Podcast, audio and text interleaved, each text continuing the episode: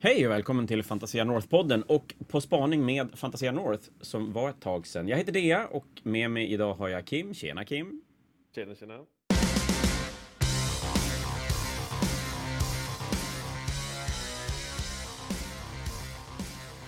Så, det var ett tag sedan vi hade en sån här allmän, bara prata skit om allt möjligt. Men nu har vi ganska mycket Kim att gå igenom faktiskt.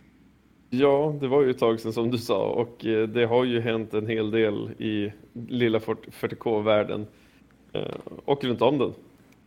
Ja, men det, det, har ju varit mycket snack om sen Brexit och Corona om att GW ligger efter och att det kommer att bli färre nyheter för att de har inte hunnit med. Men jag ser ju ingen, ingen nedsackning i releaseschemat direkt.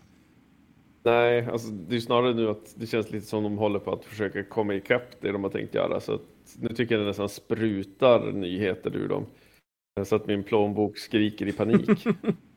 ja, men vi ska komma till det. Vi, vi ska snacka lite grann om veckans preorder-grejer, men vi la ju upp någon sorts, någon sorts ordning på vad vi skulle prata om. Även om jag glömde då nyheterna för helgen, men vi klämmer in det. Men först har det ju kommit lite böcker som inte vi har hunnit röra i den här podden och det är Imperial Knight, Chaos Knight och Tyrannider. Tyrannider har vi snuddat vid lite grann eftersom du och jag är ganska tyrannidpepp.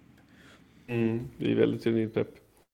Eh, men ja, vad finns att säga om dem egentligen? Alltså, Tyranniderna kommer vi att röra vid, vid ett senare tillfälle. Ja, men jag tänker det. Vi kan väl egentligen bara säga att Tyranniderna är en väldigt, väldigt, väldigt stabil bok. Eh, gränsat till att vara kanske lite för bra. Eh, det kommer Den är för FAQ. bra. Ja, den är, jo men det har du rätt i, den är för bra. Det kommer en FAQ med, med ryktade poängförändringar och vi tänker att du och jag, vi ska ta tag i den Tyrannidboken när vi har den, den, nya poänguppdateringen så att det faktiskt blir relevant. För just nu känns, kommer det ändå kännas som att man, man bara berättar hur jävla knäckebruten saker och ting är. Ja, det där till det skulle bara bli vilda spekuleringar för ingenting säger ju att det var sett är rätt. Så att det, nej, det nej men verkligen. Eh, Maliceptorn poängförändring på där har jag hört allt från en, en 20-30 poäng till typ 100 poängs höjning. Så att den jag hörde kanske... någon att den skulle kosta nästan 250 poäng och visst den är bra men den är inte 250 poäng bra. Det ja, men då hamnar den i så här gamla Grey Knight-svängen att de antingen blir de för billig, alltså nu pratar vi gam gam Grey Knight, antingen blir de för billig och för bra eller så blir de för dyra och för dåliga. Det finns som ingenting där mittemellan. Nej. Eh, vi tar det då det kommer. Ja, men Knightsen då? Eh, samma sak där. Vi kommer att återkomma med en podd där vi, där vi behandlar Imperial Knights och Chaos Knights i, i detalj. Men vad, vad är känslan om de böckerna? Oj, vad de kan panga. Oj, oj, oj, vad de kan panga. Och gud så häftiga de är. Eh, jag, jag blev så himla taggad efter eh, Grand Fanatiken. Att det, det första jag gjorde när jag kom hem var att jag gick in i min lokala hobbystore och eh, köpte två stycken lådor av små nights och sen så beställde en bäggad ifrån internet. Eh, och har suttit och målat nu, så snart är alla, alla fem klara. Och sen så blir det väl att köpa en Get Starter-låda och sen så borde jag väl ha 2000 poäng. Och skithäftiga regler. Eh, de är lite som de var förr dock, upplever jag. Alltså så fort en riktig närstridsarmé kommer in i närstrid med dem så kan det gå ganska illa ganska fort. Men vägen dit kan vara fruktansvärt smärtsam nu. ja, men det, det, är ganska kul, tänker jag också. Att, för jag blir alltid, det är lite läskigt med Knights, det är lite läskigt med Tau. De här arméerna som egentligen spelar spelet i kanske två faser och inte i fyra faser, eller tre faser. Att ska de bli riktigt, riktigt bra, då finns det alltid risk att det slår över och så blir de bara helt knasbra för att de ska på något sätt kompensera. Knightsen tycker jag ju personligen ska vara en armé som ska gå in och bara röra om i metat. De ska ha en del matchup som är pissusel. Men de ska se till att vissa typer av arméer verkligen inte vill möta Knights och, och kanske måste tänka om och, och ja, men, göra om lite grann i sin, sin eh, design på, på listor. Mm, ja, absolut. Eh, och sen andra saker man kan säga om Knight, just själva Knight-kodexen, det är att det är en av de få kodexen nu på de senaste releaserna jag känner att de behöver inte röra något. Alltså den, är, den är perfekt in bland resten av den här A, B, tier-listorna. Bara boom, rakt in ibland dem direkt. Jättebra kodex. Och framförallt just det man, man känner att det är en jättestor skillnad mellan att köra Imperial Knights och Chaos Knights med deras specialregler. Visst är det lite snack om att Imperial Knight-boken känns snäppet vassare än Chaos Knight-boken, rent sådär ja. initialt när de dök upp? Ja, jo, jag skulle säga det. Det beror kanske lite grann på hur du spelar också. Eh, för kör man många små Knights, då är det nog bättre att köra Imperial Knights. Kör man lite större Knights, ja men då finns det kanske en anledning att köra Chaos Knights istället. Men det får ni ta i en annan podcast då, vi, det då ni går igenom mer i detalj. Men roligt ändå med en bok som... Ja, jag är helt okej okay med att böckerna är för bra med tanke på att GW är rätt snabb på att gå in och, och justera. Och jag, det, jag tycker generellt sett att slutresultatet blir bättre om boken är för bra och tonas ner än att den är för dålig och måste som på något sätt buffas. Men det är klart, drömmen är ju att de lägger den perfect direkt eh, och det hoppas vi att, att de ska göra. Och som sagt, redan på Grand Fanatic såg vi lite grann att Knightsen ändå verkar kunna gå in och, och röra om ganska rejält i, i meta till 40K. Ja, ja absolut. De, de sköt ju bort folk på två turer. Det, det är inte många arméer som kan säga det. Det kanske Tau. Men det, ja. Där är det tveksamt. Här såg vi dem göra det med regelbunden basis. Bara så, aj, de är döda på två turers shooting. Rätt bord eller, eller mot spelare som inte riktigt klarar av att gömma sig tillräckligt bra. Och så sen att de tål så mycket stryk så de kan blotta sig lite mer än vad Tau-armén kan göra. Mm. Får de har ganska billiga saker de kan offra. Bra obsec. Det, det finns mycket bra att säga om Knights. Ja, ja, kul. ja, vi återkommer med den och som sagt Tyrannider kommer vi att komma tillbaka till också. Eh, vi ska även säga att det har dykt upp en en hel drös Age of Sigma-böcker också. Där faktiskt har både du och jag Kim lite sämre koll. Men, men det kommer att beröras i podden längre fram också. Men vi har fått Nighthaunt-bok, vi har fått Daughter of Cain-bok, vi har fått en Fireslayer och en Idoneth-bok. Vi får ta in någon specialist som kan gå igenom ja, men exakt. där. Så slipper vi sitta bara och killgissa och bara göra bort oss. Det hade varit vild killgissning. Det hade det faktiskt varit. Eh, lite mer saker som har hänt och kommer att hända. Det är väl, och det går väl inte att undgå att prata om, det är ju 30K-releasen nu till helgen? Nej, den, den är jag jättetaggad på. Som sagt, jag har suttit och konverterat Mekanikum nu i några veckor eh, för att vara redo för den. Och ni som inte har koll så är ju 30K, eller det de nu egentligen väljer att branda om lite grann till The Horus Heresy, är ju ett spel som har funnits från Fortworld under herrans massa år och nu kliver det in i så GV-paraply, under GV-paraplyet tillsammans med, då, med 40K och Age of Sigmar. Och det är ett spel som... Det är, det är 40K, men det är ändå inte 40K det utspelas ju då 10 000 år innan, det här har ni garanterat koll på. Regelmässigt så har det tidigare legat kvar och spelat sjunde editionen 40K.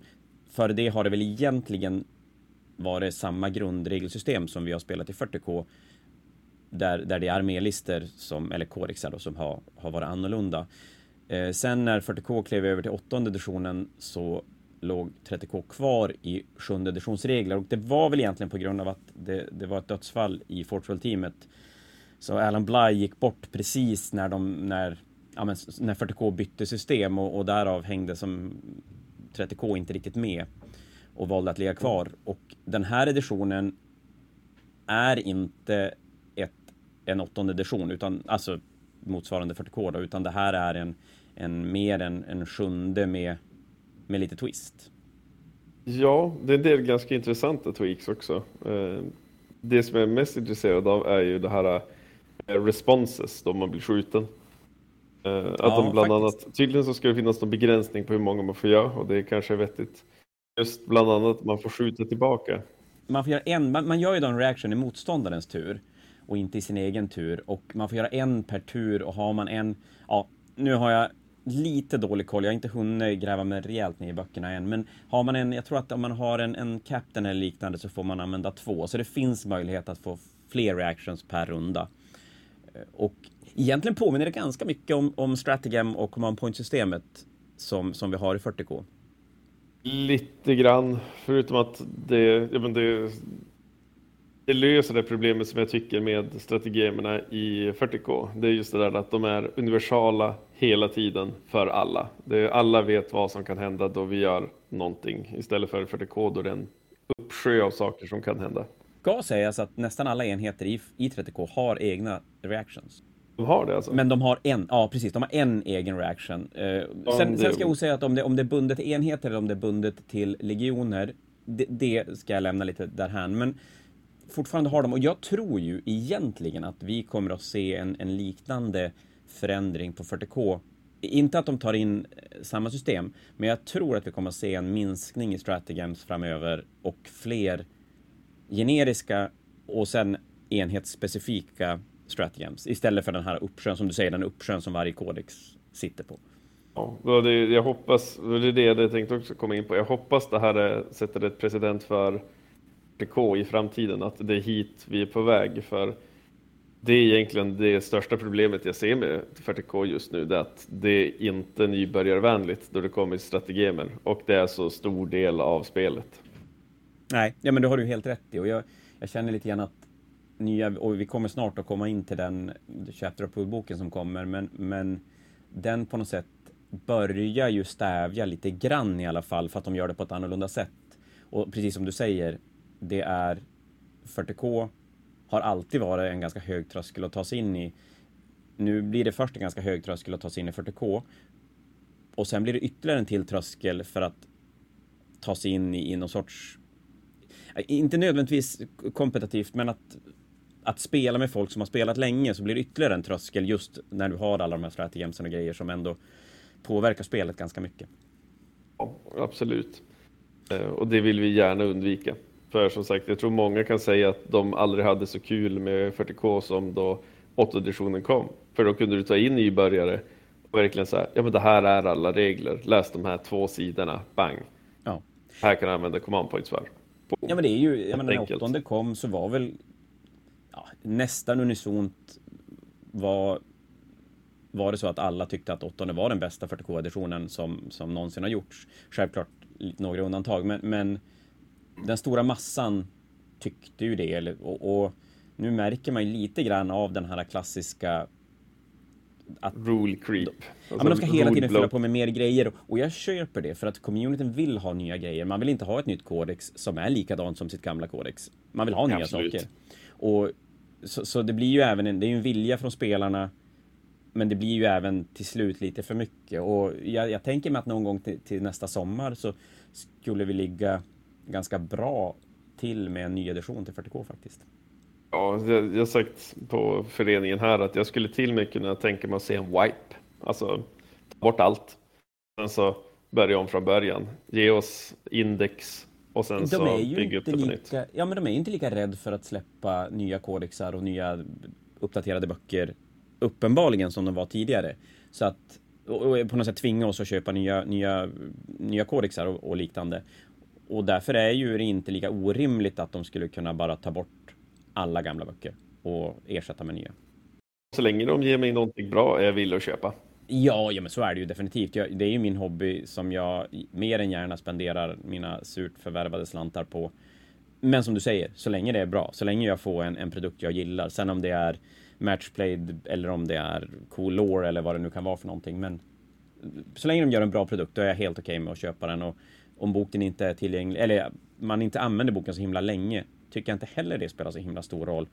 Om det är en bok jag känner att jag kan ha i hyllan och ta fram och bläddra i längre fram bara för kul skull. Ja, men säga om en bok överlevde i tre månader, det är så att de gick på bio en gång i månaden. Ja, faktiskt. Ja, det är alltså det... Och, och, jag, och då kan man ju säga, har man sett tre filmer på tre månader, då är garanterat en av dem helt värdelös ändå. Ja, precis. Men som sagt, 30K-releasen är, den är stor. Den, och det verkar ju som att GW tar in det som sitt tredje stora spel.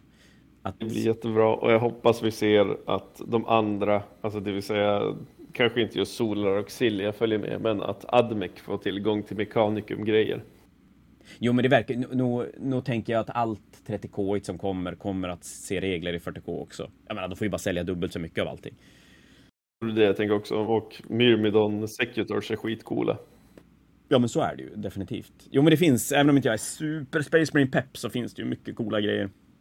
Jag tycker en sak som ska bli jättespännande att se, för att 30K-communityn är ju en väldigt ja, men om vi säger att det är en väldigt casual community i stora, stora massan och man ser turneringarna som spelas 30K-mässigt. Det är väldigt, ja, men det handlar väldigt mycket om att försöka undvika att titta på den enskilda personen och titta på det på kanske legionen eller, eller goda onda eller traitors och, och, och alltså, ja, i alla fall att man, man, man, man tittar lite mer på storyn och kanske inte så mycket på resultaten i, i matcherna.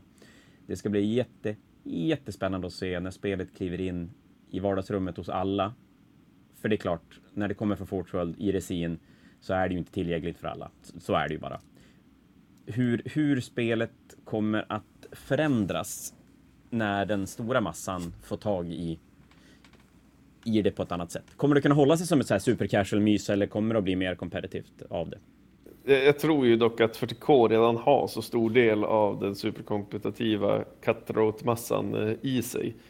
Att kanske vissa tar 30K som det där casual-spelet som de lirar lite sådär. Eh, och sen så låter 40K vara cutthroat. Då blir nästa fråga då, kommer det då bli så att 40K tappar en, en stor del spelare av de som inte vill tävla och att de kommer att spela 30K istället? Nej, det tror jag inte. Det finns mer val i 40K. Vi, vi, det finns inga Tyrenider, det finns, ja, det finns inga Xenos. Jag tror där ja, det är ju faktiskt 30K sant. kommer att tappa många spelare för många folk som är casual känner jag som antingen spelar de Space Marines eller så spelar de någon form av Xeno. Det är oftast de som lider på ett eller annat sätt de går ändå och suck it up och bara, nej, jag ska ändå spela det här. ja, precis. Det, nej, men det, det, det kanske du har rätt i. Och det, men det ska bli spännande och det är en fantastiskt jävla cool låda som släpps. Det är eh, fullsmetad med plastgubbar. Så mm. att eh, har ni inte kollat in den så checka in Age of Darkness-lådan. Det finns oändliga artiklar på Warhammer Community-sidan och är ni sugen på lådan så finns den på fantasianorth.com att beställa hem. Vi börjar skeppa den imorgon. Men vi kan inte lämna 30K-grejen utan att prata lite GV. Jag är. Jag är så jävla, jag är så jävla upprörd nu på morgonen. Eh, det är ju så att GV har ju tre delar i sitt företag. De har som sin, sin egna butikssektion och så har de sin mailordersektion och så sen har de oss retailbutiker, alltså Fantasia och alla andra sådana privatägda butiker runt om i världen. Och ibland så, så är det så att GV måste dricka mycket på jobbet för att de gör en del väldigt konstiga val. Och det är klart, det här berör ju väldigt mycket mig. Eh, slutkund kanske inte märker av det så supermycket om man inte om man i och för sig inte har en lokal butik som man tycker om att supporta. Men GV har bestämt sig att skicka ut ett demo-ex av Age of Darkness-lådan. Det behöver man inte. Nej, nej, nej, nej, nej. Varför ska vi ha en låda och, och, visa till våra kunder? Det verkar ju svindumt.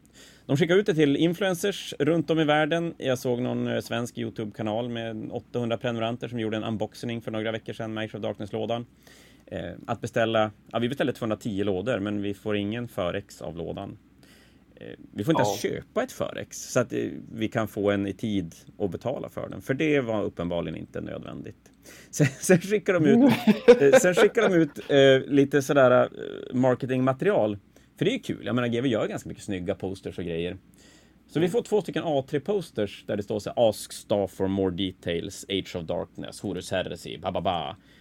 Den fick vi igår. Tre dagar innan releasen.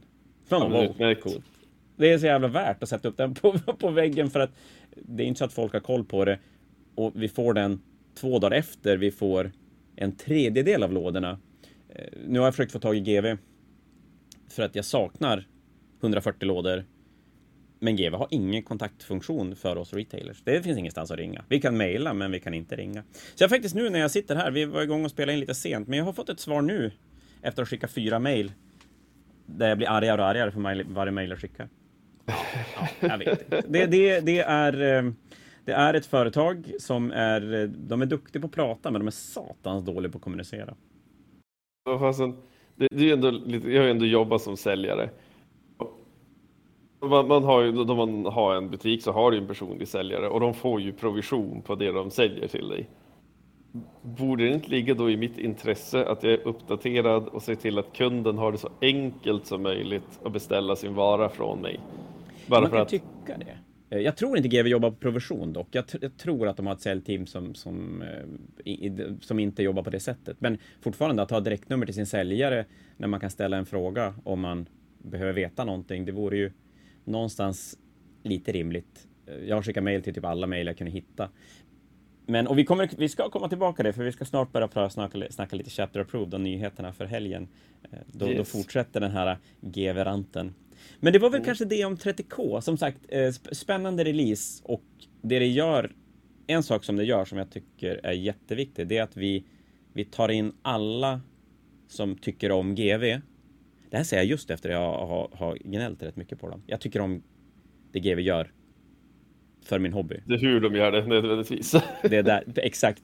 Nej, men det som är som är kul att, att förhoppningsvis kan vi som binda ihop alla tre spelen till en community, även om man spelar olika spel. För som det känns nu ganska länge så har 30K varit en, en helt separat del och, och man har knappt märkt av dem. Och från våran del, som om vi ser från Fantasias del, så är det ju sådär, jag kan inte sälja de produkterna och då blir det ju konstigt att supporta och, och pusha för den produkten när man egentligen skickar iväg dem någon annanstans. Det är klart, det blir annorlunda för föreningar som inte har något intresse egentligen i att folk ska spela ett visst spel. Av, men, men fortfarande, jag tycker det är kul att allting hamnar under som samma samma. Absolut, för som sagt 30K-folk, ofta så de gömmer sig lite grann i buskagen. Ja, Så ja, men de kan som glida in i en butik, titta runt lite grann, men de har ingen aning om att de spelar 30K tills ja, men de säger det till dig. Lite grann som att man, man kommer ut ur garderoben och säger jag spelar 30K, bara, oj, spelar du 30K? Ja, men du har helt, du har helt rätt. Och, och där känner jag nu att då, då kan de känna att de är en del av allting annat. Och folk kan uppskatta 30K-modeller för de finns tillgängliga på ett helt annat sätt. Och i plast så går de ju faktiskt att bygga också. Ja, och sen så tror jag också att folk får en chans att titta på reglerna med nya ögon. För vi gamla rävar som har spelat sjunde editionen, eller åttonde editionen, nej, sjunde editionens regler, vi vet ju vilken sörja det var. Och så fort vi öppnar boken och sen så ser vi sjunde editionens regler, jag får lite så här magknip och bara stänger böckerna och bara, ja, Nej, men jag tycker det är helt, ja, men det är helt obegripligt ur min, från min värld att man kan tycka att sjunde är bra när man sjunde är har bra. åttonde. Nej, jag, jag förstår inte det och därför har jag, det har, det har, som du säger, det har känts väldigt märkligt att titta på 30K-grejerna och känna att jag ska gå tillbaka till en edition där ärligt så är sjunde editionen i min värld den näst sämsta editionen som 40K har haft. Förutom andra. Uh, nej, ja, ja, det är klart andra var ju någonting annat. Nej, men jag tycker nog faktiskt att den sämsta editionen, andra, ja, nej, det var, alltså det var kul när man var liten och, och inte förstod Ja, vad man okej gjorde då. och fick flytta massa templates. Jag skulle aldrig någonsin vilja gå tillbaka. Men jag kan, jag kan titta tillbaka till andra editionen med en nostalgicharm av att rulla T12 för att se åt vilket håll en template vred sig. Ja, jo, okej då, visst. Eller, eller sitta och klippa blind grenades. Bra, nej. Men jag, nu ska vi se, undrar, är det femte editionen när man spelade med, med abstrakt terräng? När det var size på terrängen, size 1, 2, 3? Jag tror Just det. Den Ja, gillar jag jo. inte. Jag, Ja, det- jag tittar tillbaka på min hobbyresa och inser att jag har nog aldrig spelat så lite 40K som under den perioden. Och det är nog egentligen för att jag inte riktigt gillar just den här helt abstrakta terrängen. Jag tycker om det de har nu där det finns en, en blandning av true line of sight och ändå en möjlighet att spela med cool terräng som, som funkar för de större pjäserna. Så att, eh, nej, femte eller fjärde, jag vet inte riktigt vilken det var, får jag nog säga som, som sämst. Och, och sen sjunde på en god andra plats. Men du, nog om 30K. Vi har, när vi pratar om att komma ikapp med releaser så har vi ett helt monstruöst nyhetssläpp till helgen. Alltså det som börjar förhandsbokas nu på lördag.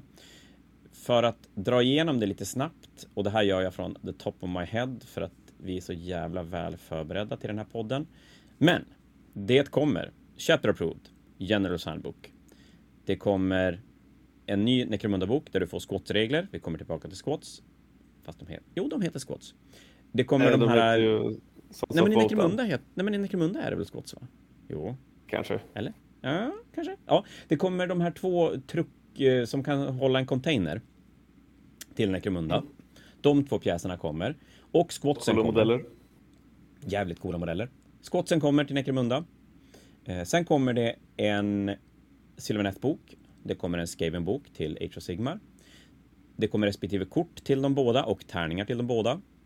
Eh, Sylvaneth får även sina flugryttare och sina eh, bevingade, oj, spites, eh, ja, whatever. Eh, de får två enhetslådor. Det kommer korten till, till Daughter of Cain som inte kom med releasen eh, med, med boken. Det kommer fyra stycken sådana här Vanguard-lådor, det som motsvarar Combat Patrols eller Start Collectings.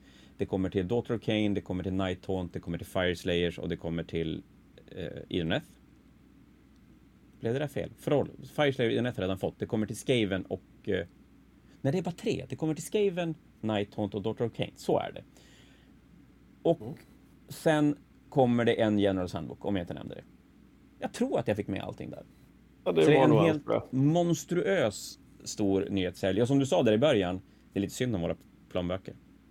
Ja, jo, det är, för de som kör flera spel och flera arméer så kan det bli jobbigt. Ja. Och jag tror att det är lite synd, för jag tänker mig att om man Ja, men säg till exempel som Age of Sigmar-spelare, då vill man ju ha Generals Handbook. Ja, den, den, lite grann som Chatter Approved, jag tror att man... Du och jag, ja men man vill ha den. Och så kanske man är lite pepp på Sylvaneth, men kanske inte riktigt sådär så att det är min armé, men man var lite sugen på att läsa lite grann och se om det kan bli någonting.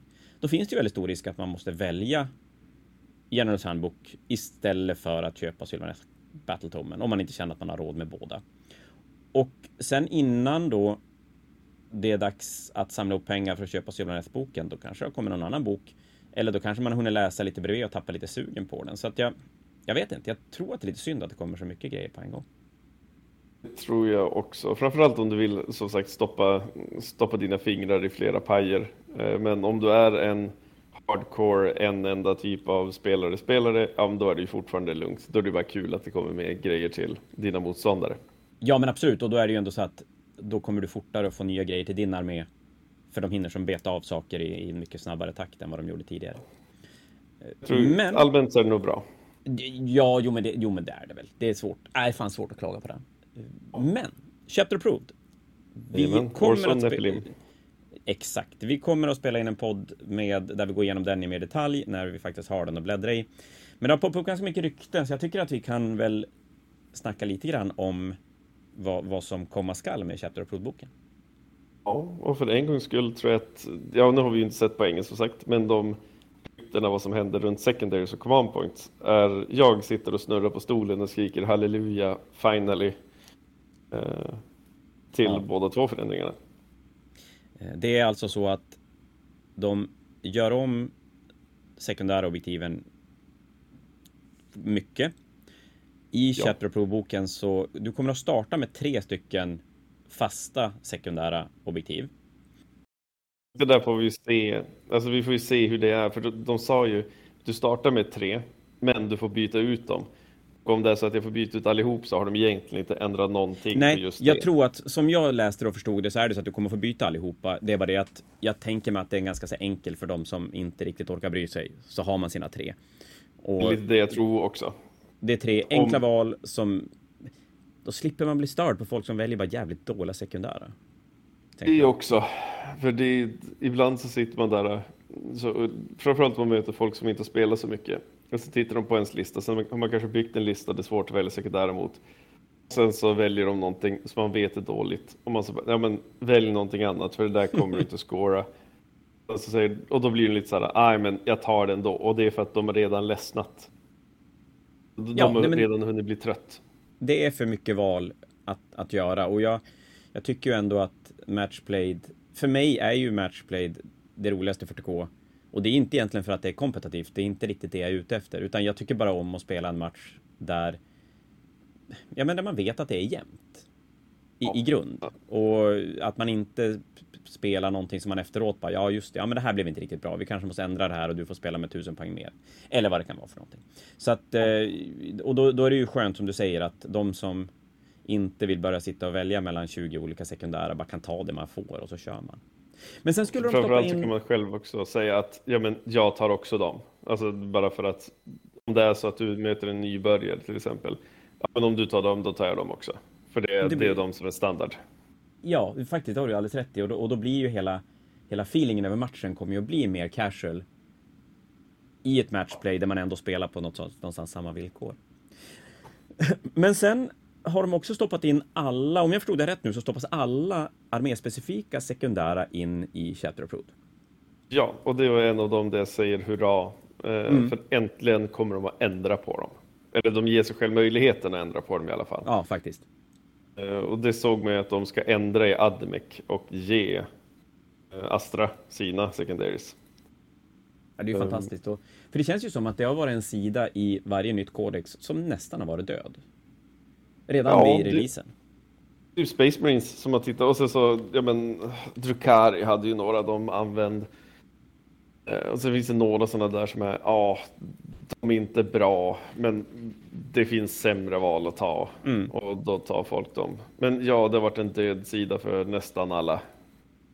Och det är bra att de sätter in det så att det kan vara en sida som man kanske måste titta på.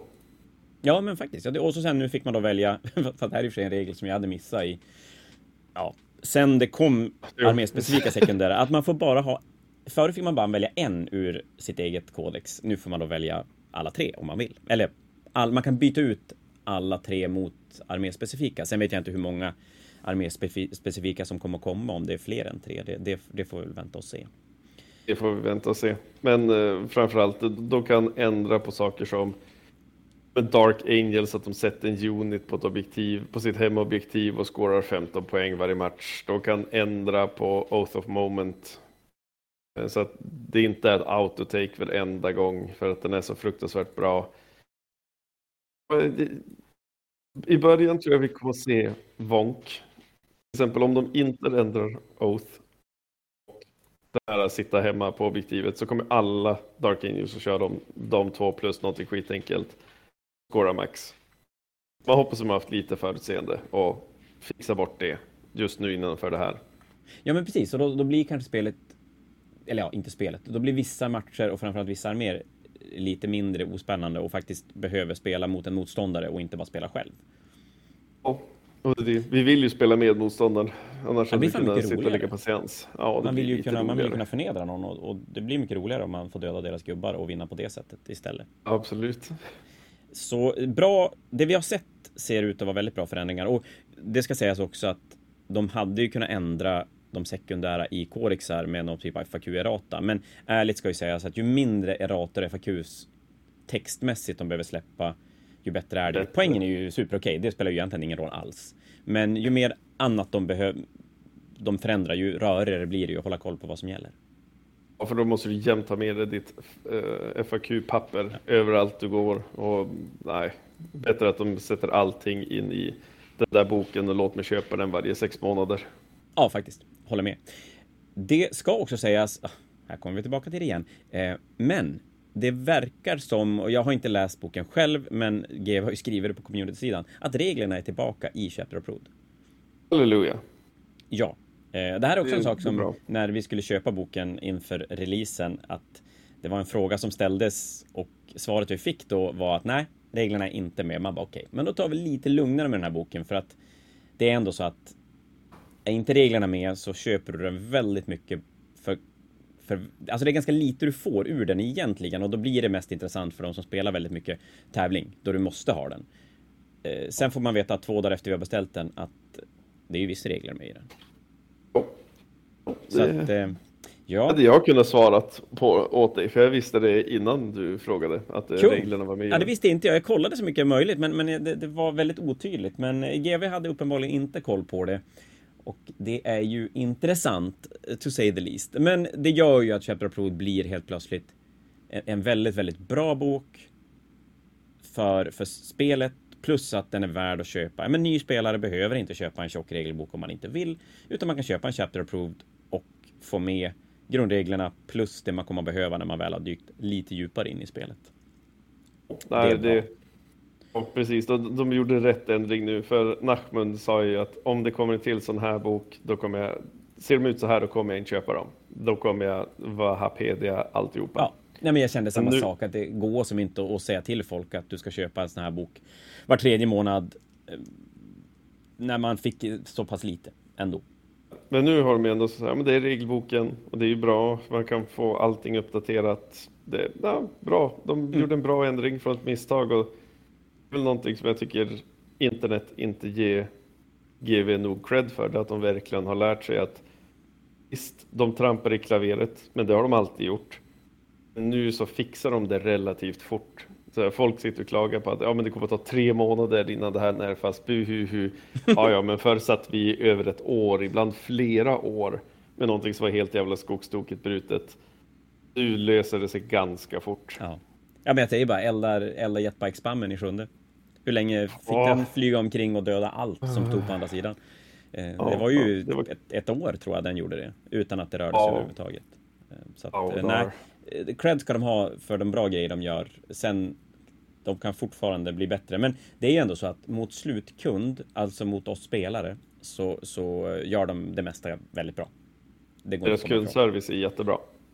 Oh ja, det, det är ju, nu är det ju faktiskt lite mer bakom kulisserna för oss butiker som, som eh, får, får kämpa lite grann. Och, och då tänker jag framförallt de butiker som inte har koll, som inte sitter och grindar eh, community-sidan eller, eller spelar in poddar om, om nyheter och grejer, utan de som inte kanske har riktigt koll själv, så får de ju ingen...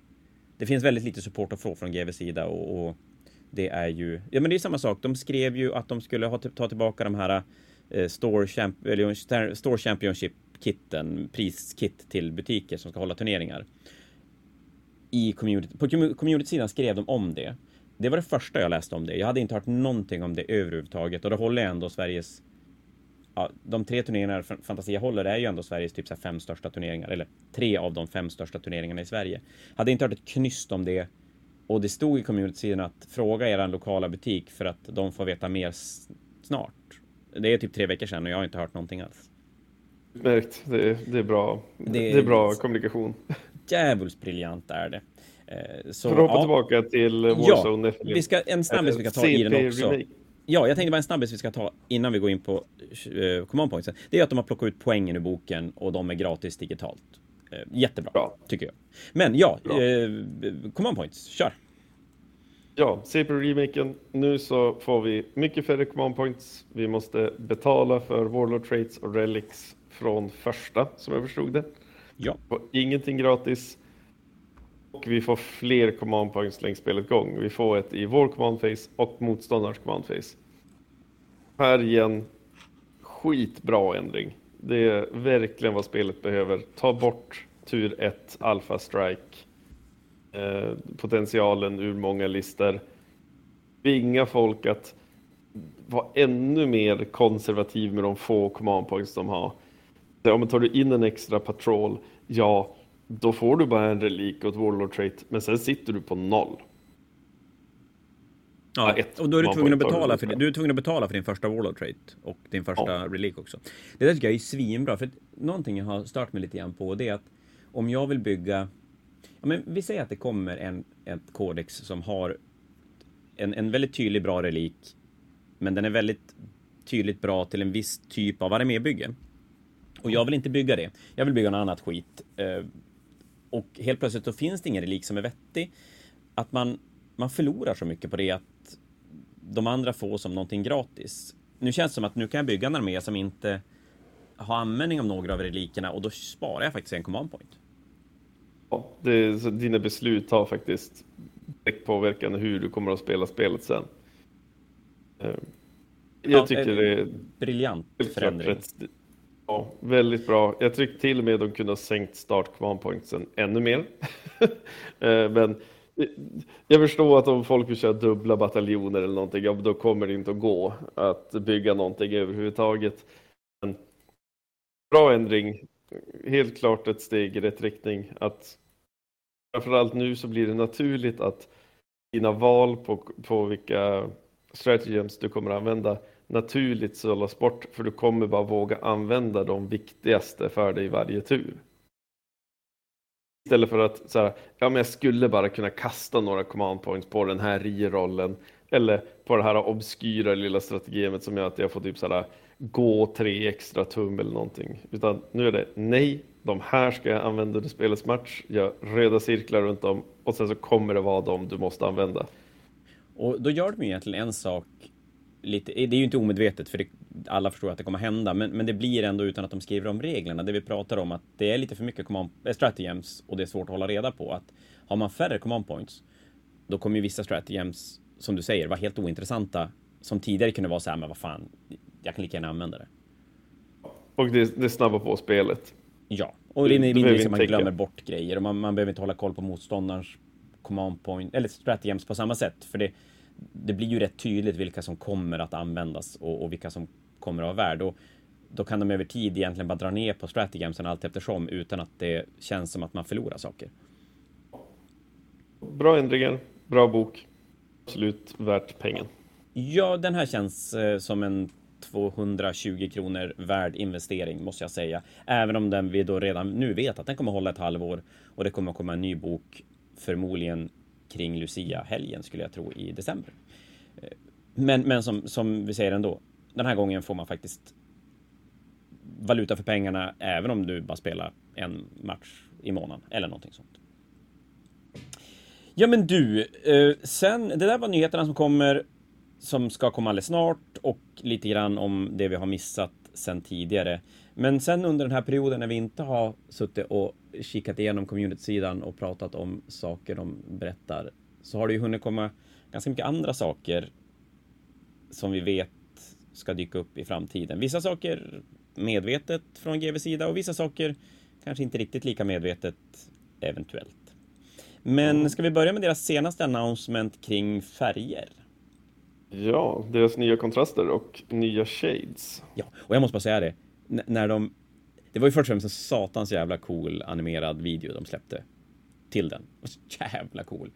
Åh, det var coolt. Och, men jag blev ändå så här, bara, vad fan, vad kan komma? Alltså, med en sån enorm trailer, vad, vad är det som händer? Och så läser man internet och alla bara, det måste komma droppkorkar. Och jag bara, nej, det måste inte komma droppkorkar. Nej, det vill man inte ha. Nej, faktiskt. Där är vi två och gud vad folk kommer tycka att vi har fel just nu. Men jag är så att det finns så mycket droppkorkar där ute och det går att hälla över sina färger om man absolut känner att man måste göra det. Men för oss, vad är det du kallas på Instagram? Rather done than perfect, är det så? Ja, precis. Rather Alltså, done than perfect. Vill man bli färdig, men kanske ändå inte vill så här kontrastmåla sin armé på 20 minuter, då funkar ju citadellburkarna hur bra som helst. Alltså, ja, det som torkar ut i botten. spill. Ja, alltså, och då är det mycket snack om att ja, men det, det är mycket mindre för pengarna och det torkar ut i burken. Men alltså när man häller ut en plutt från en droppkorkburk, det är ganska mycket man lämnar efter man har målat. Ja, alltså jag har ju en, nu när jag köpt min, jag har ju bara orange och rött har jag ifrån ett annat företag med droppkorkar. Och alltså min, såhär, jag har som en liten, eh, vad heter det, så här magic sleeve som jag brukar som blanda på. Den är ju helt solid orange och röd. Alltså spillfärg. Sen ser man de här kontrasterna jag använt. Det är kanske något så här litet streck som är tunt som man fortfarande ser igenom hela sliven. Ja, vad är det jag spiller mer av? Ja, det är ju droppkorken. Om du, om du inte jobbar med en våt palett, om du inte, ja, eller kör med en spraygun, då är ju absolut GVs korkar bättre. Ja, jag, jag håller helt med. Det är ganska kul att höra någon säga det. Och det, det är klart, i, i dagens sådär äh, informationssamhälle vi lever i så får man ju väldigt mycket kastad på sig att du måste ha våtpalett. Du måste ha droppkorkar. Du måste, du måste, du måste. Men det går att måla väldigt fint och det går att måla framförallt väldigt färdigt utan att ta till alla sådana äh, knep. Och framförallt, jag må inte vara, jag må inte vara Squidmar, men jag har fortfarande hållit på med det här i ja, 20 år, ja, ännu längre än 20 år. Jag säger att jag vill ha flippkork, då tar jag en jäkla flippkork. Sen kan internet tycka vad de vill. jag, jag håller med. Jag har 20, 30, ja oh, gud, ja, 30 plus år i hobbyn och, och som, som du säger, ja, det går jättebra att öppna och ta lite färg ur en, en burk och stänga. Det är som inga problem. Men oavsett, det, det var det. Internet han bryta ihop lite grann på att det inte var droppkorkar. Det som kommer är då ett, en bunt nya kontrastfärger. 20-25 stycken någonting i massa härliga kulörer och det verkar då som av det de har berättat att de har tittat lite grann över, över formulan i kontrasten och, och att det kanske att den ska göra det den är sagd att göra ännu bättre. De kontrastfärger Ja. som finns nu är ganska blandade i kvaliteten. Vissa är ju superbra. Skeleton Horde är en fantastisk kont- eller den, hård, den här blåa, eh, jag hoppas säga Baltasar Blue, men det är inte någon Talasar, Talasar Blue är det. Salazar Blue, den är hur underbar att jobba med som helst. Ja, och den gör ju, de färgerna gör ju det, det GV säger att kontrasten ska göra. Sen har de några kontrastfärger som jag inte alls tycker gör det kontrasten ska göra. Sen kan de säkert ha väldigt mycket andra bra användningsområden, men som sagt, de gör inte den här kontrastmålningen på ett riktigt bra sätt. Och det låter som att de här ska vara mer konsekventa i hur de beter sig på figurer i då massa olika färger. Så det blir, det blir jättespännande att se. Det, det fanns en del Ja, men det fanns en del intressanta kulörer där som, som eh, man får väl ta och testa när de dyker upp. Men det jag egentligen gick ännu mer igång på, det var att det skulle komma nya shader, fler, mm. men framförallt att de skulle jobba om formulan i alla gamla shader också och att de också skulle göra det en shade ska göra ännu bättre, alltså flyta undan mer, lägga sig i skårorna på figuren på ett bättre sätt än vad de gör nu. Det är ju någonting man har saknat om man har jobbat med oljefärg någon gång. Eh, så, så fort man jobbar med oljefärg en gång så bävar man ju gå tillbaka till en, en GV Shade. Om de verkligen kan göra det de lovar, då det, det är bra. Det hade varit väldigt stort. Ja, men jag känner det också att ja, man kan använda dem på lite större slätare ytor och, och de inte lämnar lika mycket så här skit, skitvattenfläckar lite överallt på, på figuren. Så att det ska bli otroligt spännande att se. Sen försvinner gloss-shaden. Ni som gråter över det, ni får bara tänka att ni var de enda i hela världen som köpte dem och då, då blir det lite så. Faktiskt. Ja, verkligen. Det måste varit fyra personer. Jag tror faktiskt att det är fler folk som är arg över gloss-shaden än, än glad att de fanns. För att de få som använder dem är så få att de som köpte fel och upptäcker redan när de väl har lagt det på figuren är fler. Vi har ja, ju en lokal kille här som köpte en gloss av misstag. Eller om den var ställd fel, för jag såg nu när jag skulle plocka lite färg från färgstället så var det ställt massa gloss på, på vanliga 00 istället. Så att jag, oh, men i alla fall så, så, målade han med en gloss och han blev så jävla förbannad att den glossburken den åkte i papperskorgen. Direkt. Alltså, det, det går fort. oh ja, så att det är det. Men det ser, det ser spännande ut och det är väl, jag tänker mig att från GVs sida är det så att fär, vanliga färger inom citationstecken börjar vara ganska ganska vältäckt. Man har alla kulörer. Det börjar vara ganska bra färg oavsett om man målar gult eller blått eller vad det nu är. Så det är väl egentligen de här lite annorlunda färgerna som som GV kan gå ut och, och, och sticka ut och göra grejer som andra företag inte har och ligga lite i framkant på, på utvecklingen. Jo, och allmänt det är som speedpaints och shades är ju Troligtvis det, det största som har hänt hobbyn enligt mig, just på grund av att du kan sätta en nybörjare med en kontrast och säga du kan inte göra fel, go bananas. Nej, nej men det har du helt Sen så har de sin armé målat säkert 70 procent snabbare. Ja, och det är ju relevant just nu, för, för nu har vi ju en period och jag har svårt att se att det kommer att förändras. Att det, det, nyrekryteringen bland de yngre har stagnerat ganska hårt i vår hobby. Däremot har ju nyrekryteringen bland äldre ökat dramatiskt och jag tror att bland dem så är det viktigare att det är att det är lätt att nå ett resultat som som du ser på internet. Yngre är nog mer okej okay med att traggla och eh, lära sig. Jag tror att många äldre vill, vill att det ska gå fort och man kanske inte har lika mycket tid att, att lägga på att lära sig måla. Tid är en sak, men sen framförallt man vill ju spela rätt. Alltså, 2000 poäng eller i alla fall 1500 plus är ju som då spelet blir rätt. Allting under det ja. blir ju som fel. Att, eh, jag tror det är mycket där också det sitter då. Ju snabbare vi kan få folk att sätta målade modeller på bordet, ju bättre. Utan att allting är en brun sörja som när Devlan Mud kom första gången. Nu kan man faktiskt göra det med, med massa mysiga kulörta färger. Så det blir bra. Men du, vad har vi mer då? Det, det dök upp lite bilder på alltså verkligen out of the blue så dök det upp lite bilder på Astra Militarum-grejer. Ja. Eh, vi vet ju inte så mycket om Astra, förutom det de som har visat med Chatter Approveds och så vidare. Men de nya modellerna är...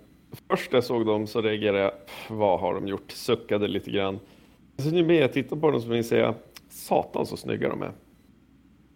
Ja, det, och det, det som hände här det var att det, det, måste ha läckt en bild från någon publikation längre fram och GW gör ju som de alltid gör nu att då istället för att mörka det och låtsas som att solen skiner. Så då lägger de ut bra bilder på community-sidan så man kan gå in och kolla ordentligt. Och det, det dyker upp eh, nya Scions, det dyker upp Usaka Krids dotter, en ny Armored Sentinel ser det ut att vara va? Jajamän, det ska också vara en Scout Sentinel har jag läst. Okay. Jag tror det var på Warmer Community att man ska kunna göra den till en, ja. en Scout. Eh, och Om man kollar i bakgrunden. De är inte uppfunnit hjulet. Nej, men det de har gjort är att de ser mer mänskliga ut. Alltså det, det är lite... Känns mindre som att gå omkring i baggy pants och lite mer sådär, men uniformen passar faktiskt personerna. De känns som att de har vettiga proportioner. Eh, hjälmarna är inte stora som enorma kittlar, utan de tycks sitta fast på huvudet. De, de känns mer som så här, ja, det här är en soldat, det är inte en barnsoldat jag kastar på vuxna kläder på. Det jag tycker lite intressant också här är att de, man trodde kanske att de skulle släppa Cadia när Cadia försvann, alltså planeten Cadia försvann. Men de verkar ju fortfarande sätta Cadia i, i, i förarsätet som det regemente som är som Astra Militarum. Det blir lite, jag tänker det är lite Gons Ghost över alltihop, att de, de blir det här äh, regementet som inte har en hemplanet men fortfarande strider för imperiet och inte som minskar i antal utan förmodligen kommer de plocka upp rekryter från, från andra delar av, av uh, solsystemet. Ja, alltså de har ju blivit lite grann av uh, Astra Militarums svar på Space Marines. Uh, alltså the Ultramarines. De är the poster boys av ja. imperiet. Men då, nu ska, du få, nu ska du få, jag ska spekulera och så ska du få berätta hur det egentligen är. Mm. Det kom ju en upgrade pack till Cadia kittet och man blev rätt förvånad för Cadia kittet är ju ganska fult som du säger. Eh, eller ganska, det är fan jävligt fult. Upgrade packet de släppte till den var ju jättecoolt. Massa coola huvuden och grejer. Kan det vara så att det där upgrade packet är en del av ett nytt Cadia kit helt och hållet? Eller tror du att vi kommer ha kvar den här gamla lådan med det nya upgrade kittet även när, när det kommer nya grejer i övrigt? Jag var just på väg att komma till det. För jag har suttit och zoomat på den här bilden. Nerd. Och jag är inte säker. Jag tycker att killarna som står i bakgrunden, på, det, det är en ny kommissarie ser man ganska tydligt. Eh, helt ny. Eh, och sen så ser man massa småkisar som står längst bak. Jag tror det är ett nytt KD-kit, alltså ett helt vanligt infanterikit som inte är Kazarkins. Man, man ser de har lite så konstiga poser med armarna de tycks inte ha de här fullstängda hjälmarna utan man ser ansikten fast de har andra ben. Eller för mig ser det ut som att har andra ben, lite nya poser. Jag tror faktiskt att det, det kan vara en del av det kittet som då bara mergas in i det. Jag tror faktiskt att vi ser på ett nytt infanterikit för KD också. Men det är vilda spekulationer. Bilden är jätteblurry. Inte alls säkert, men jag tror vi har det att se fram emot. Det är det vi ska göra här. Vi ska ju spekulera våldsamt mycket och sen aldrig erkänna att vi hade fel. Uh, Nej, vi men, glömmer det bara. Ja, eller hur? Men jag tänker mig att numera så är ju det mycket lättare för dem att ta bitar från en Spro och bara lägga in i en annan Spro när allting händer digitalt. Och skulle man då kunna tänka sig att det kommer ett nytt Cadia-kit och de här upgrade-grejerna som har kommit som en egen Spro bara implementeras in i ett nytt Cadia Spro helt enkelt? Möjligt. Eh ser inte varför de skulle göra det dock. Alltså det, du lika gjort ett ansikte i, så kan du ju snabbt modifiera det ansiktet för att skapa 20 till ansikten. Ja, eller att, ja, eller att de bara säger skit. Det där KD Upgrade Pro, det flög en, ett, ett år och sen bara försvinner det. Ja, och det, det gav... Det är ju fortfarande sin vits tycker jag, för Astrid Militarum-spelare har ju sina 300 guardsmans. Och, ja, men de har kunnat köpa in de där kitsen just för att göra om lite av sina killar som de har i sina arméer. Och det här är ju mer för de nya Astra Militarum-spelarna, de som vi vill ska börja slåss för imperiet. Um, skulle, ja, skulle jag kunna tänka mig. Det låter ju, det låter ju inte helt orimligt. Och, och då tänker jag mig att en Astra Militarum-bok eh, borde väl dyka upp till hösten då? Gissar jag. Jag skulle gissa vilt på det också. Och det tror jag kan röra om i metat om de blir lite, lite spicy. Ja, men faktiskt. Det, det är väl dags för stridsvagnar att få göra sig en, en plats i, på 40K-bordet. Ja, och Astra har ju alltid haft den här unika möjligheten att vi kan ta skitmycket stridsvagnar och vi har skitmycket infanteri. Mm. Och så kul! Ja, det kan, ja men precis. Och det, det kan göra att, att vapenval från andra arméer behöver tweakas och ändras lite grann.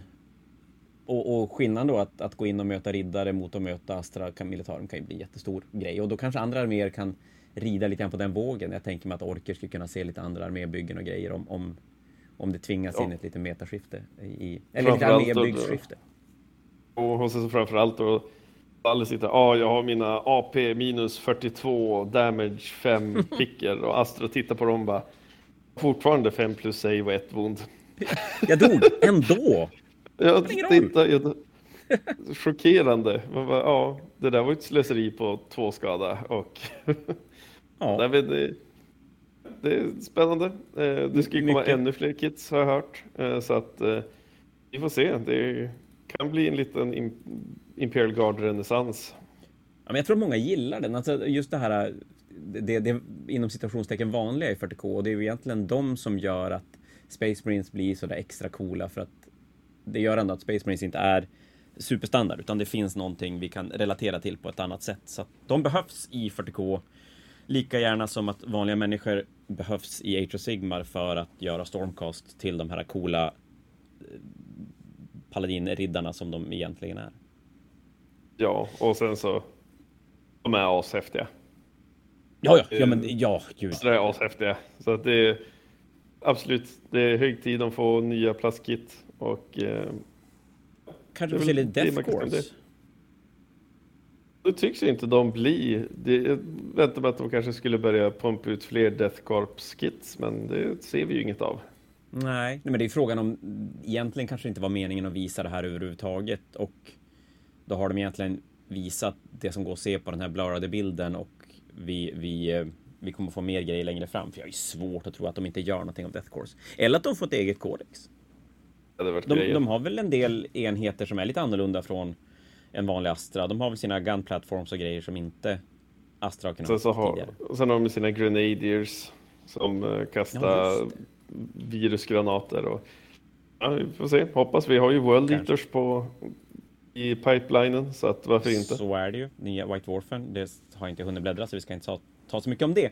Men du, en sista sak innan vi tackar för ikväll det har ju även börjat visas ganska mycket kring det som inte heter squats. Men är squats. Votan. Leagues of Votan, eller som alla borde säga, squats. Eller squats. Eh, jag måste säga att det är nog jag har nog aldrig blivit så överraskad av en release som just den där. Jag var faktiskt helt oöverraskad. Sa det då så här, och nu kommer någonting stort. Jag sa det är squats. De har hintat om squats sedan början av åttonde editionen. Den kommer nu. Det är den. Och sen så, det är squats. Alla var jättechockade. Jag bara, nej, jag är inte chockad Vi hävdar efter konstruktion här. Nej då, jag, jag, har sagt det hur länge som helst. Jag sa det då filmen kommer. Det här är squats. Ja, men det är, är sådana som har sagt varje år sedan 1994. Du, nästa år, då kommer squats. Du, nästa Nej, jag, kommer Scott. Jag var ju för, för believer i att Scotts är döda. För det var ju någon intervju med någon som sa att ja, men Scotts kommer aldrig att komma. Om de kommer så måste vi helt göra om dem. För herregud, lyssna bara på namnet. Squats. Ja. Uh, Inte 2022. Jag, jag, riktigt. Jag, jag var lite snopen att de skulle komma nu. Jag trodde att de skulle komma till tionde editionen som en releasearmé. Ja. Hur som haver, de är på G och har ju fått veta lite grann sådär bakdörren genom deras eh, och deras psychic powers lite grann vad de är för någonting. Ja, men exakt. Och de är ju inte riktigt squats-ish. För squatsen blir ju mer det som kommer i Necromunda. Ja, precis. Och de, nu är det här också vilda spekulationer, skjuter från höften med en hel flaska whisky i kroppen. Men de har kollat på strategemerna, lite grann på statsen, så känns de som någon så här vild mix av så här Admec, gamla fantasy-dvärgar, Au, fast med säkers. Ja, jag har hört mycket, för det har ju, blivit, det har ju snackats väldigt, väldigt mycket nu Och majoriteten verkar vara nöjd med det som har setts. Det är coolt. Men det som verkar vara den stora spekulationen, det är vart ska de landa i 40K? Hur ska de hitta sin egen lilla plats i 40K-universat? Eh, och det är väl kanske det som blir mest spännande att se. Alltså, vi har systrar, vi har Space Marines, vi har Astra. Ja, de har liksom täckt ganska mycket. Vi har sett grundprofilen på dem och nu då vi fått se deras stratagems blir det sådär, ja men de har de här teleportera ut från kanten, komma in från kanten igen som Rustalkers har. De har så men typ grudges de lägger på units. Och sen exakt vad man kan spendera de här grudges för, för det är en token det lägger på dem. Det har vi inte fått veta, men man kan få bonusar till hit med strategemer på units som har grudges. Det blir lite grann som en marker light system som jag inte riktigt vet hur man applicerar grudges på units. Sen så har de psykers som är lite spännande. Ehm, just därför jag säger att de känns lite grann som liten mix av massa olika saker som vi redan har. De är lite admec, de är lite gamla fantasy-dvärgar med sina grudges, de är lite tau. Sen har de psykers. Ja, att de stoppar in Psykers och gör det till som en grej, det gör ju ändå att de blir... De blir definitivt annorlunda än systrarna. De blir ju definitivt annorlunda än Admec och Astra Militarum, för de tre arméerna har ju inte så himla mycket fokus på det. Och i sig Space Marines har ju inte jättemycket fokus på Psykers heller. Nej, det är väldigt... Det är bara kaos som kan, eller Thousand Suns specifikt som ja. eh, flingar dem. De blir ju lite en sån här hotchpotch av allting. Sen får vi se vad poängen säger. Vad, är det här en hordarmé? Det låter ju lite så eftersom att du kan ta de här vanliga killarna i stora tjugor. Så... Jag får lite systervibbar av eh, alltså hur de ska se ut på brädet. Jag får lite Admec-vibbar, fast med säkert. Men det är ju lite samma sak. Eh, om man jo, får faktiskt. Stora Infanteriet, systrarna spelar lite fler små enheter och Admec spelar lite färre större enheter. Men, men så, ja, vi är nog inne lite grann i samma tankebanor ändå på, på vart de ska landa någonstans. Sen skulle det bli jättekul att se, eftersom de heter just League of Wotan, om det kommer komma mer grejer till dem som inte är då eh, inom situationstecken skotts, utan att det, det blir någonting helt annat också. Ja, de har ju sina Iron Kin de har visat på Warmer Community som ju är miniversioner av Castellan Robots. Ja men just det, de var också ja. Ja, de var ju jävligt coola. De är så coola, lite derp, lite sådär. Ja, men jag, jag, tycker om looken. Jag tycker om Admex, så att det där faller ju helt klart in i, i min plus. Och de i min kommer väldigt bra just nu av an... Det har ju blivit... Squatsen är ju mycket nostalgi för många spelare. Egentligen, det är väldigt mycket låtsas nostalgi för många för att Squatsen är så gamla. Det också.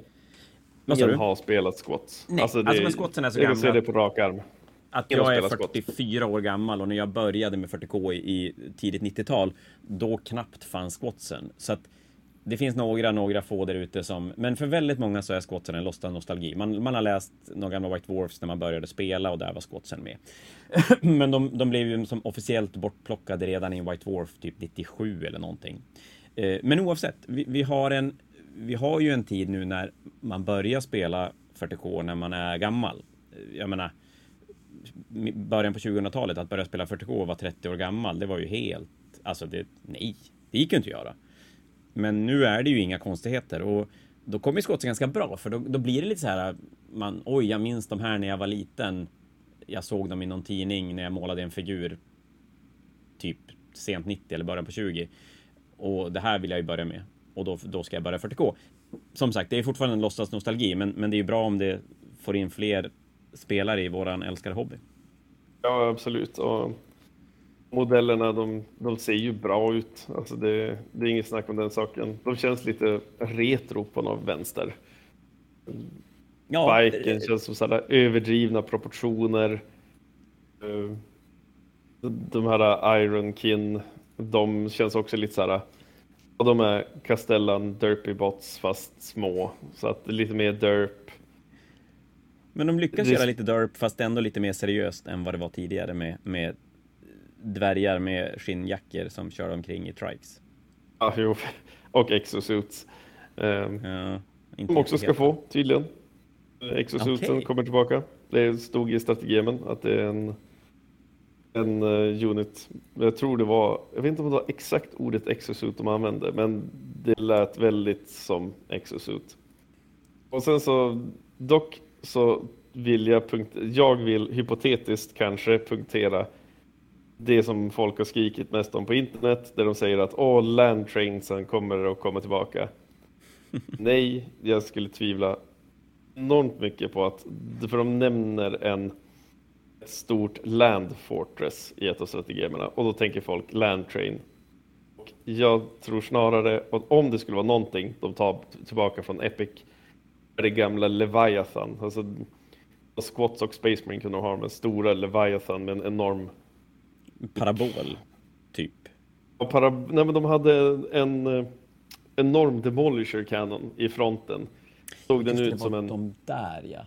Nej men Landtraden, den ska ju bli hur stor som helst. Det är ju helt orimligt. Den, den, Land nej. Train sen kommer aldrig att komma, för de skulle aldrig gå att spela med. Det är mer rimligt att det kommer bara någon form av supertung tank. Det har ju inte kommit grejer från Epic egentligen som inte har funnits i 40K. Alltså, det var länge sedan vi fick någonting nytt som var från Epic. Alltså, nej. Nej, det tror jag inte är rimligt. Aldrig, tror jag. Jag skulle tro att Scottsen, nej, sorry, League of Wotan, kommer att bli en armé som är lite älska hatat. De som gillar den kommer att gå så jävla all in på det så att det inte finns. Eh, Jag tror att många kommer att vara så här me, me. Ja, men vi har ju redan sådana. Admec är ju likadana. Admec är exakt en sån armé. Är det faktiskt. Det är så att enda gången de, det bröt, det var då de gjorde de knäckebrutna där i några, något år. Och sen så helt plötsligt så var det inga problem att samla på Admec. Det är det coolaste man har sett. Ever. Ja, tydligen så var Skitaris det häftigaste någonsin. Jajamän. Sen upptäckte vi på Grand Fanatic att vänta nu, det är inga Skitari-spelare alls. Hmm. Ja, det var faktiskt helt otroligt. Undrar om man tyckte de var så coola egentligen. Ja, det blir Nej, Men du Kim, nu har vi gått igenom eh, ganska mycket av det som har missats under, under det här halvåret som har varit och vi kommer att hålla tätare uppdateringar till er alla som eh, tycker om att höra våra eh, gulliga röster. Men Mm. för ikväll så säger vi tack för oss och så hörs vi mer längre fram. Hej då på er! hej då, hej då.